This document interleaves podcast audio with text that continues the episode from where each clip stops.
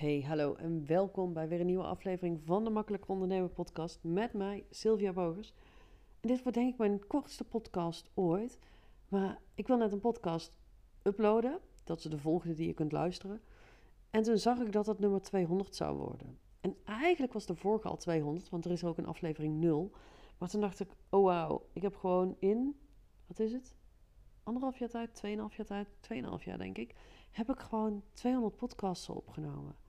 En ik vind er dan iets van als mensen daar heel feestelijk over gaan doen. En tegelijkertijd vond ik er ook iets van als ik het gewoon voorbij liet gaan. Dus deze podcast is puur opgenomen om even te zeggen: jee, dit is nummer 200. Wat eigenlijk dus 201 is. Dus dit slaat echt helemaal nergens op. Maar ja, het is mijn podcast, dus ik kan gewoon doen wat ik wil. Natuurlijk. Het liefste zou ik nu met zo'n roltoeter uh, even toeteren. Maar ja, als ik dat doe, dan, dan zijn er twee dingen aan de hand. Eén, even afgezien het feit ik zo'n ding niet in huis heb. Maar één, mijn man slaapt al. Dus als ik dat nu doe, dan wordt hij wakker en dat neemt hij me vast niet een dank af.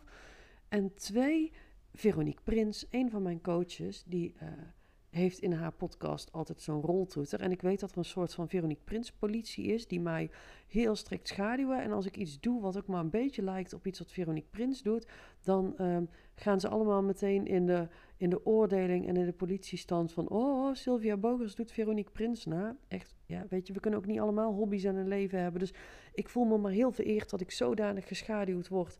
dat mensen zelfs aan het checken zijn of ik niet iemand anders nadoe. Weet je, dan doe ik niet Veronique Prins na. Dan vinden ze wel dat ik Susanne Beukema nadoe. En zo kunnen ze altijd wel iemand verzinnen. Dus ik durf bijna niks meer te zeggen of te doen. Want ik doe altijd wel iemand na. En blijkbaar hebben andere mensen daar een issue mee. Ik een stuk minder. Um, ja. Ik zit nu in mezelf een beetje te grinniken dat ik denk, oh Germ, die mensen hebben ook geen leven. En dus ik helemaal oké. Maar ik dwaal helemaal af van de feestelijkheden van deze podcast. De roltoeter moet je er even bij denken. De confetti-kanonnen moet je er ook even bij, bij denken.